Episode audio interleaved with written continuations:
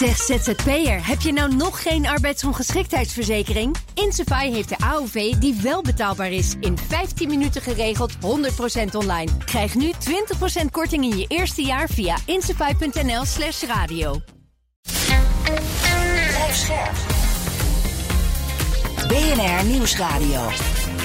Boekenstein en de Wijk.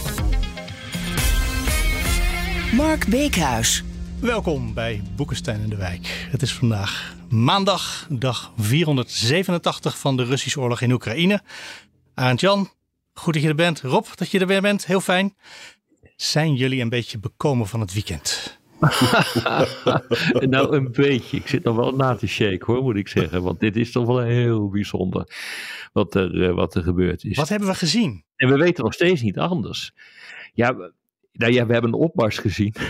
En een, uh, met veel fanfare is een hoofdkwartier uh, van, de Russische, van het Russische leger bij Don, aan, hoe noemen we dat? Rostov van Don. Rostov van de Don is bezet.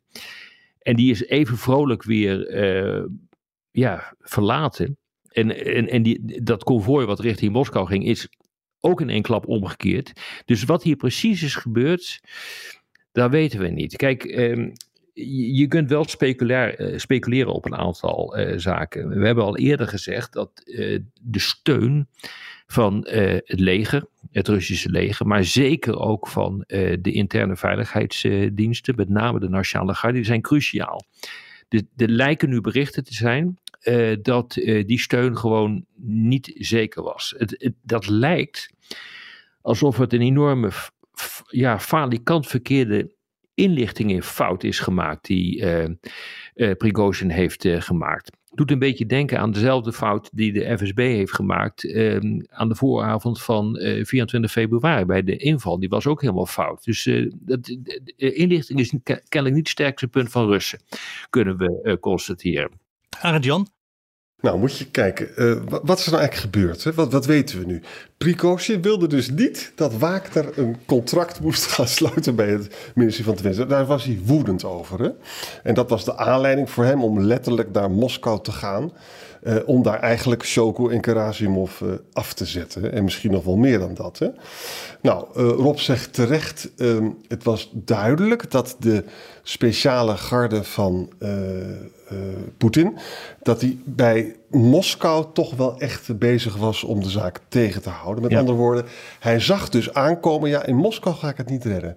Maar voor Moskou zijn er een aantal dingen aan het licht gekomen die we niet moeten vergeten te vertellen. Namelijk mm. dat in Rostov, dat hij gewoon heerlijk zat te keuvelen zonder slag of stoot met de onderminister van Defensie, Andreev. Hè.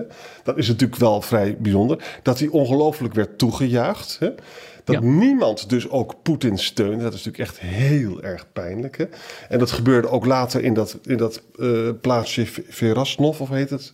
Met andere woorden, hij heeft op het laatste moment heeft hij dus besluiten om terug te gaan, omdat er in uh, Moskou wel een bloedbad zou worden. Nou, hij heeft nu net gezegd in uh, Politico staat het van ik ben dus omgekeerd omdat we anders een bloedbad zouden krijgen. En ik hou van het Russische volk en dat moeten we natuurlijk helemaal niet doen. En de tweede reden is, ik ga natuurlijk helemaal niet de regering van een land ga ik omvergooien. Hè? Maar dan komt het, is typisch, uh, die man heeft wel een, een hele een talent voor ironie. Hè? Kijk, wat ik heb laten zien als een masterclass. Hoe je nou echt die operatie van 24 februari 2022. Weet je, die faalde in Kiev. Hoe je dat nou wel op een goede manier zou kunnen doen. Uh, wij, wij, wij, hadden natuurlijk niet het doel om de bestaande regime omver te gooien. Maar uh, het had wel gekund, want uh, ik zat, was goed, goed op weg. Hè. Dus, dus, mijn conclusie is eigenlijk dit, jongens. Het, hij, is nu, hij krijgt geen immuniteit die hem beloofd was. Hè. Dat is ook vreemd. Dat is vreemd, dat die rechtszaak gaat door. Met andere woorden, we zitten gewoon midden in een machtsstrijd. hij is, zit ergens vermoedelijk in Oekraïne, denk ik. Hè. Ik weet helemaal niet of hij naar Belarus gaat. Uh, en, hij, en, en Poetin is tegen hem uh, uitgevaren en gezegd dat hij een verrader is. Dus er is hier gewoon een enorme machtsstrijd aan de gang. Oh ja, wat er ook vandaag aan het licht is gekomen, dat heb ik van die uh, Russische dame. Stalinov, die zegt van Prigozhin heeft een indirecte lijn met de kabinetschef van Poetin, dat is die Anton Vaino, en met ja. Pet, Petrushev. Hè? Uh, dat is de, ja. Patrushev, de, de secretaris van de Veiligheidsraad. Hè? Maar die heeft hij En- proberen te bellen, maar dat schijnt niet gelukt te zijn. Maar anderen zeggen dat Lukashenko dan een façade is geweest... en dat het uiteindelijk gegaan is tussen Patrushev... die natuurlijk ook heel machtig Zou- is. Kan toch niet anders, hoor, dat Patrushev hierbij betrokken Ja, is eh, geweest. Maar weet je, kijk, het, het, eh, eh, ik, ik heb ook verondersteld dat niet Poetin, maar eh, Shogui, de minister van Defensie en Gerasimov het doelwit waren. Ja, Het zou mij niet verbazen, en daar zijn dus nu ook eh, aanwijzingen voor, als hij zou hebben geprobeerd om eh, die lui tot afdwingen te, eh, te dwingen. Dat is niet gelukt, kunnen we constateren, want ehm eh, Shogui die, is naar het front afgereisd en is opgepopt ergens in Oekraïne om duidelijk te maken dat hij toch echt wel de leiding in handen heb- heeft. ja. Maar vervolgens zagen we eh, dat er wel sprake was van allerlei eh, aanwijzingen dat zelfs al een opvolger van Shogui is aangewezen. Of dat echt zo is, dat moet allemaal nog blijken. Maar dat was ene Alexei eh Duymin, als ik het goed uitspreek, ongetwijfeld niet. Eh, de huidige gouverneur van de Tula Oblast, een oud veiligheidsofficier van Poetin en ex-hoofd van de Special Forces van, eh, de, eh, van de Russische krijgsmacht. Die zou de nieuwe minister van Defensie moeten worden. Dus dat past wel in het plaatje. Want jij gelooft toch ook niet, Arend Jan, dat wat hij nu weer zegt, die Prigozhin, dat hij dit allemaal doet uit een soort liefde voor het Russische volk. Hij heeft nog geen bloedbad. Ik bedoel, die man die leeft van bloedbaden. Kom Ja. op zeg.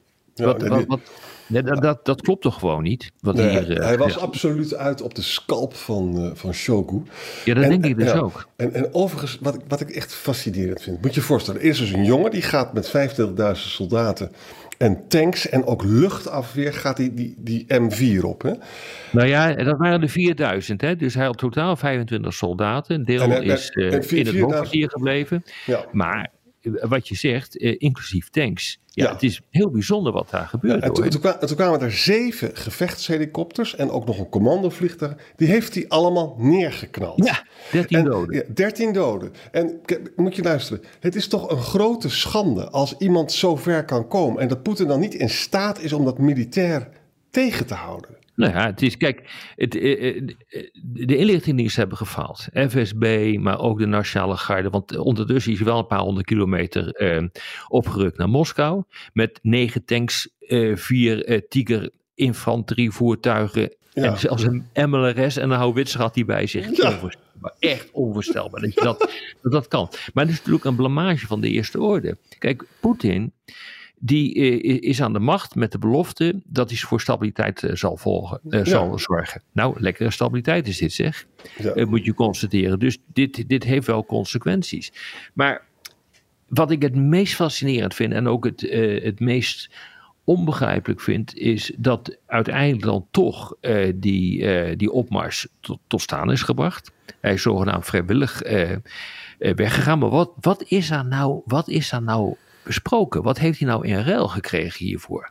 Ja, ja dat, dat, we weten dat dus gewoon niet. Het enige wat Er werd gezegd immuniteit, Aart-Jan, maar ja, dat, dat, dat gaat dus, je dus niet. dat heeft hij dus niet gekregen. Maar Heel wat misschien. wel? Ja, maar Wat heel misschien, misschien is er gezegd, nou, we gaan inderdaad eh, Shoku vervangen.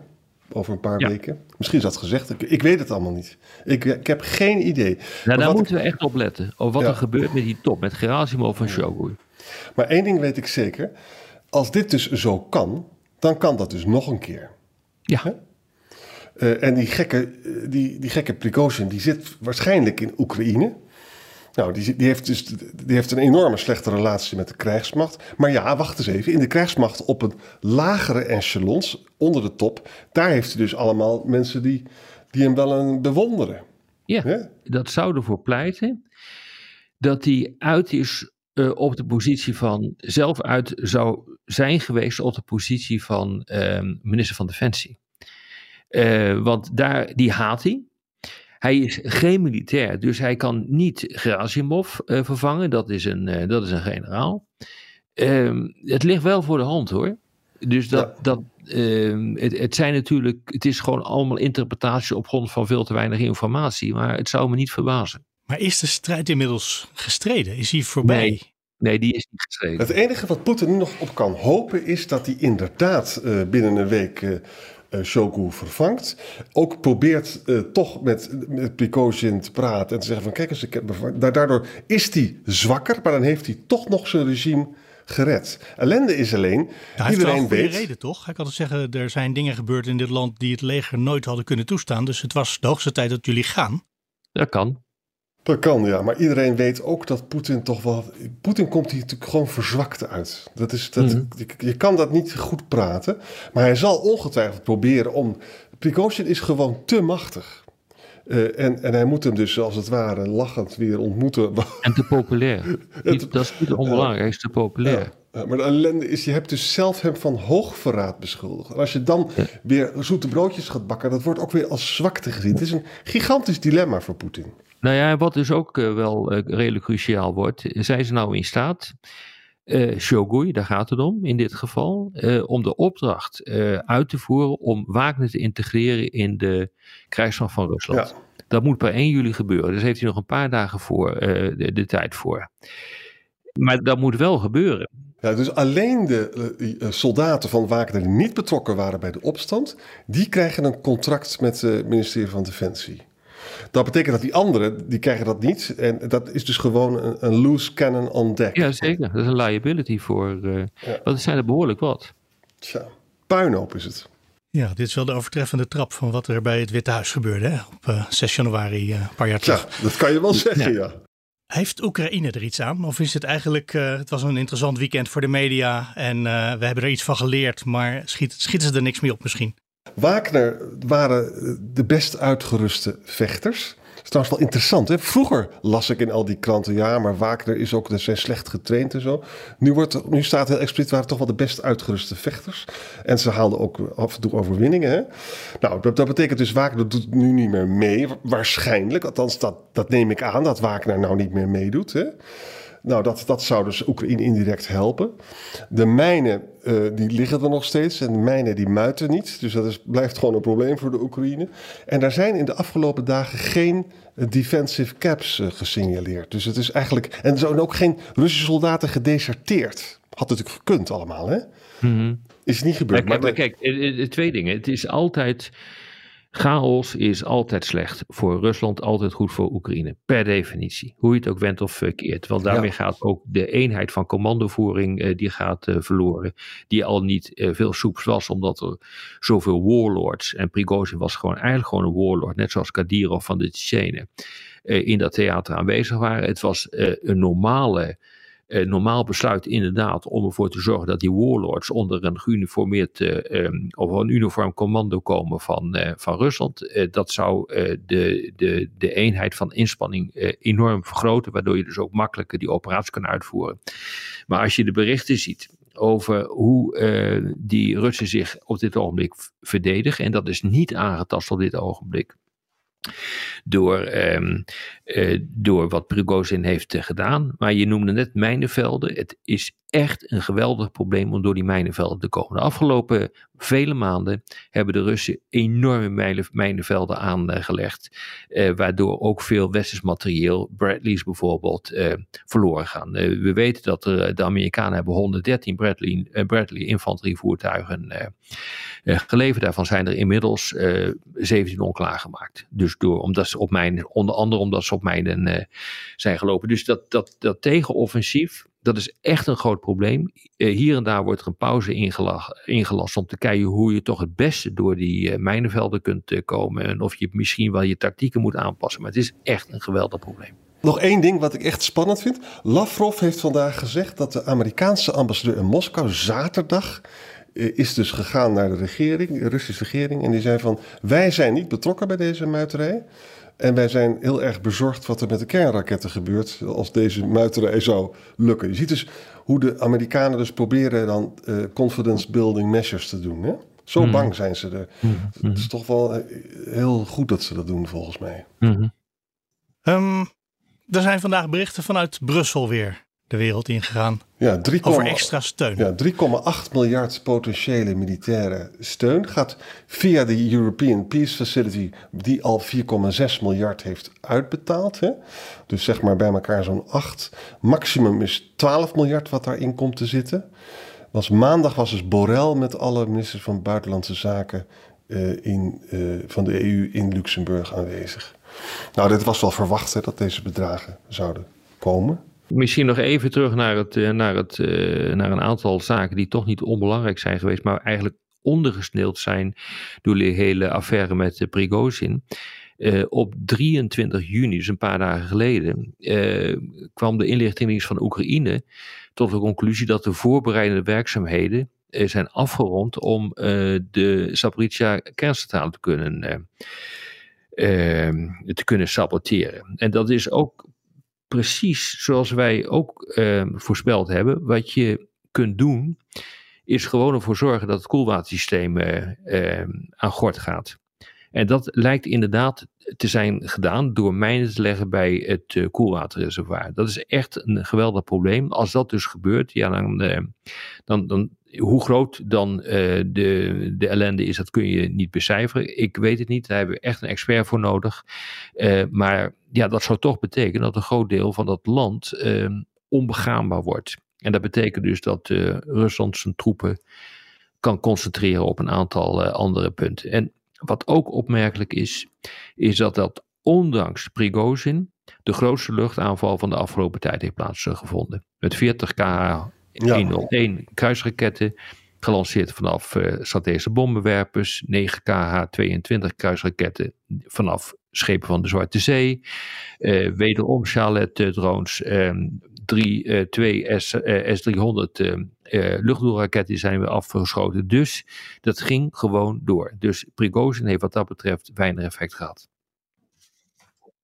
Eervolle vermelding nog voor Duitsland, Jan? Ja, dat in Duitsland gaat dus een aantal duizenden troepen, dus drie of vier of vijf, of, twee of drie, permanent stationeren in Litouwen. Dat zijn dus inclusief de gezinnen die gaan dan mee. Daar was een heel discussie over, jarenlang eigenlijk. Hè. En het tweede is, uh, Rijnmetaal gaat nu, eh, heeft nu eindelijk besloten om 330.000 uh, 150 mm granaten te doen. En, uh, en ook duizenden howitzer uh, granaten. Ja, dus die, wat er gebeurt in Litouwen, dat is het uh, opwaarderen van de Enhanced for, for Presence, als ik goed ben geïnformeerd. Ja. Uh, dat betekent, daar zat een, uh, een bataljon en dat wordt nu opgewaardeerd naar een brigade die dus bestaat uit meerdere bataljons. En dat moet ook de bedoeling zijn in alle, in alle Baltische staten en volgens mij zijn ze in Estland het verste. Ja, en wat ik ook interessant vond dit weekend, er waren weer allemaal merkwaardige berichten. Die notabene verspreid werden door gepensioneerde generaals, een Britse en een Poolse.